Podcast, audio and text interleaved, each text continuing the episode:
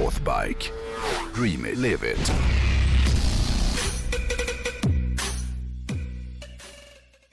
I mitt sökande efter Ja. modellikoner Ja. från Northbikes olika varumärken. Du söker med ljus och lykta. Ja det gör jag. Nej det behöver verkligen inte söka med ljus och lykta, det finns så många. Men nu har det i alla fall blivit dags att ta tag i, eh, eller ta sig an ett märke som redan har en modell som Mm. jag har snackat om tidigare i dealen med hojen. För i avsnitt 6 så hyllade jag ju hojen med det kanske bästa namnet av dem alla, nämligen Ninjan. Ninja. Mm.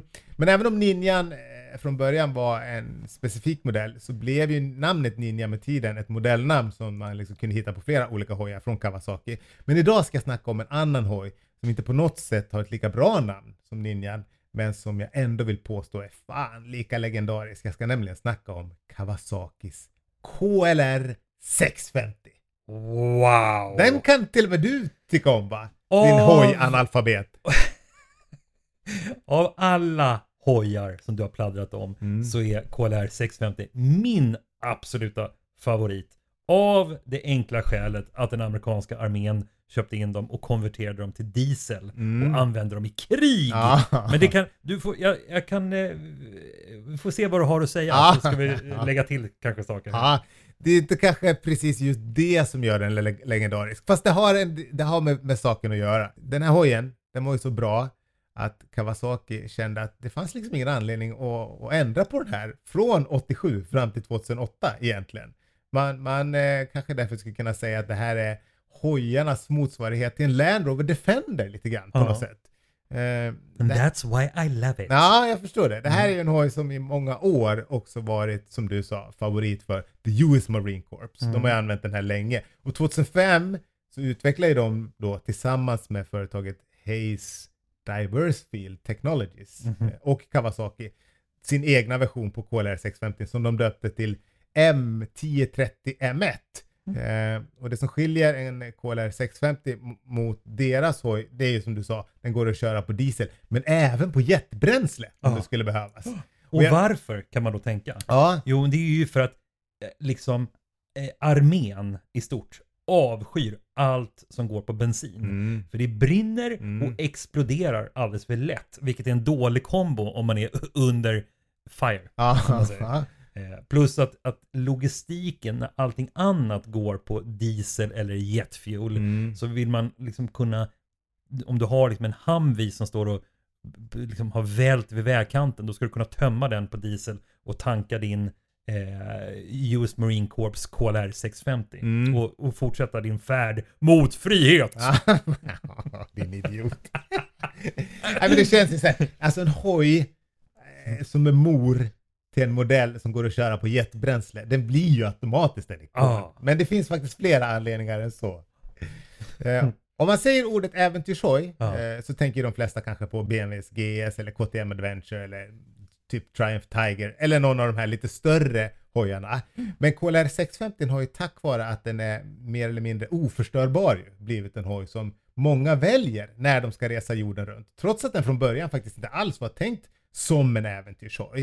Eh, när Kawasaki designade den här hojen, då var den ju liksom, ja, den var inte tänkt att vara en ren offroad-hoj he- heller, utan tanken var att man skulle liksom kunna ha den och, och liksom pendla till och från jobbet med, men att den skulle funka kanske att ta ut lite i skogen på helgerna, eller att man kanske tar någon liten helgtripp med den och kampar någon natt eller två. Eh, men hojen var så jävla välbyggd och pålitlig att folk ganska snart valde den här hojen även när man skulle liksom köra jorden runt då.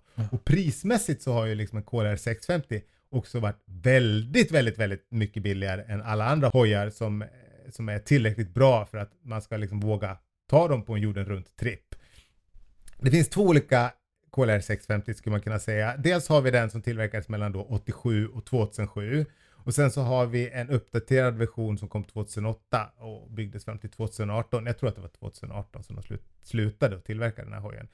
Eh, KLR 650A, det var ju den första modellen eh, som de som sagt började tillverka 87. Den baserades i sin tur på Kawasakis KLR 600 från 84 som Kawasaki egentligen bara hade tagit fram för att liksom kolla av om det fanns någon efterfrågan efter en dual sport-hoj överhuvudtaget. Och det gjorde det ju, eh, märkte de ju. Så att eh, det de gjorde 87 det var att släppa den här första 650 eh, som då hade en vätskekyld eh, motor på 651 kubik, en encylindermotor på 37 hästar.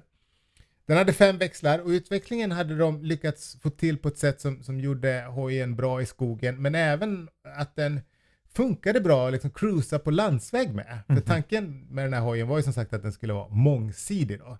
Jag orkar inte gå in på alla liksom fjädringsväg och allt sånt där, för det är så tråkigt att lyssna på. Men däremot så, så kan jag tycka att det kan vara värt att nämna att den hade en tank som rymde 23 liter, vilket gjorde att den passade ju väldigt bra som äventyrshoj, för man kunde ju, man behövde inte stanna och tanka hela tiden. Nej.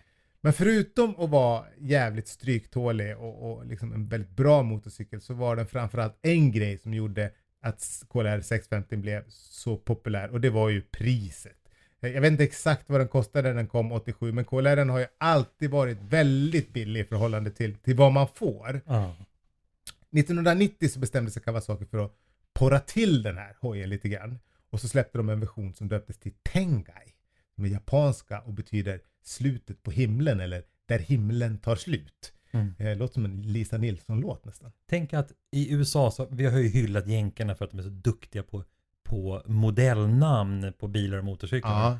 Som Ninjan eller Mm. som Charger, Challenger, Ja, Hellcat och Katana. Ja. Mm. Eller vadå? Ja, nu pratar jag japanska. Nej men jag tänkte Ja. att japanerna de är ju precis lika bra Ja. på att, att fånga historiken. Ja, Varför ska Saab och Volvo och BMW och Audi och Mercedes och alla de här mär- märkena, det ska vara så tråkiga namn. Mm. Hur som helst, eh, den här Tengaien då, den är cool för att den ser ut som en Dakar-hoj. Och vi snackade ju lite om Dakar-hojar i förra veckans avsnitt. Eh, och jag sa ju då att Dakar-hojarna från den här tidseran, jag gillar dem väldigt mycket. Eh, tanken var ju förstås att Tengaien, eh, den skulle konkurrera med BMWs R1200 GS och Ducatis Multistrada eller Triumph Tiger Explorer eller Hondas Africa Twin då. Men att den skulle vara mycket, mycket billigare.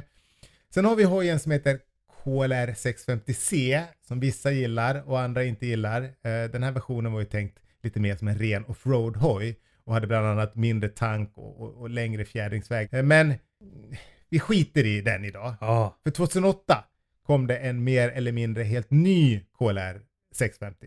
KLR 650E. Aha. Och istället för att uppgradera den gamla hojen så tyckte Kawasaki att nu eh, var det kanske på tiden att de släppte en, en helt ny version som skulle fylla samma funktion som den gamla modellen men som var mycket modernare då i stort sett i alla avseenden. Likadant här, jag orkar inte gå igenom alla tekniska spe specifikationer men eh, den är tydligen också en otroligt bra maskin eh, som för arvet vidare och fortsätter att se till att ytterligare befästa KLR 650 som en väldigt pålitlig och billig och ikonisk jorden runt maskin. Då. Så samf- sammanfattningsvis så skulle man väl kanske kunna säga att teamet på Kawasaki helt enkelt slog en homerun när de byggde KLR 650. ja. Eh, det som gör den ikonisk är kanske inte hur den ser ut, för även om jag tycker att den är ganska ball så är hon ju ingen supermodell direkt, utan hon är ju mer den här rejäla tjejen som håller i längden Mm. eh, och Ja. som bara blir snyggare med åren. Älskar den här. Eller hur? Eh, Men, men, men, men framför allt att den går på diesel. Och sen med packväskor på den här. Ja, det är ju inte KLR 650 som går på diesel. Du är Nej, inne på jag är fortfarande inne på Ja. den här konverterade Ja. eh, US Marine Corps KLR. Ja, Eh, det är ju samma grund. Mm, ja, den ser likadan ut. Ja, är, precis. Men med de här stora kåporna som går ner liksom som är sammanvävda med tanken. mm. Den, är, den är så jäkla ball. Och tänk dig när du kör igenom Afrika på Mm. ditt äventyr som du aldrig kommer genomföra. Mm. Att, att komma in på någon liten så här lokal bensinstation och tanka motorcykeln på diesel. Mm. Det är så Ja, det är fränt. bra. Det är fränt. Men det är som sagt inte utseendet som- gör KLR ikonisk. Utan det är ju att den är så otroligt pålitlig. Och därför också har blivit väldigt populär. Inte bara för overland och äventyrare utan 650 används ju även av många som liksom behöver en rejäl offroad-hoj i jobbet. Då. Förutom Marine Corps så är det ju många sådana här eh, Park Rangers och så här, som Ah. liksom, det, är, eh, det är ju en riktig arbetshäst. Eh, typ som en japansk gammal trogen ardenner som aldrig krånglar eller sviker. Nej. Men eh, 2022, då är det dags för Kawasaki att släppa ytterligare en ny eh, 650 KLR. Jag har ingen anledning att tro att, att den inte kommer bli precis lika bra som de tidigare modellerna. Jag gissar att Kawasaki är väl väl medvetna om liksom vilket arv den här modellen bär på eh, och som den nya KLR måste klara av att leva upp till. Så jag gissar att de inte har slarvat. Eh, den nya hojen kanske inte heller är den snyggaste jag har sett, men det är som sagt inte det som är meningen när det kommer till KLR, utan eh, det är funktion före form som är det viktiga. Eh, trots det kan jag inte låta bli att tycka att det skulle ju vara kul om Kawasaki om något år släpper en ny Tengai på, på 2022 års KLR. Det vill Ja. säga en hoj som ser ut som en modern Dakar-hoj. Jag har hört lite rykten om att Kawasaki eventuellt håller på att skissa på en KLX 700 som ska konkurrera med Teneren. Eh, men jag vet inte hur troligt det är. Mm. Skulle de göra det så vore det ballt. Eh, jag har sett en del designkoncept på nätet som ser riktigt coola ut. Oavsett vilket så älskar jag KLR 650 och ska definitivt provköra den här när, den dagen när, när Northbike får in eh, de nya KLRarna till butiken i Umeå och Sundsvall. Och är jag som är lite mer bakåtsträvare Mm. kommer gå ut på Ebay och leta efter en dieselkonverterad gammal US Marine Corps. Ja, just Oj. det. Som jag då får köra eftersom du inte har något körkort. Jag kör på i skogen. Ja, i skogen får man köra.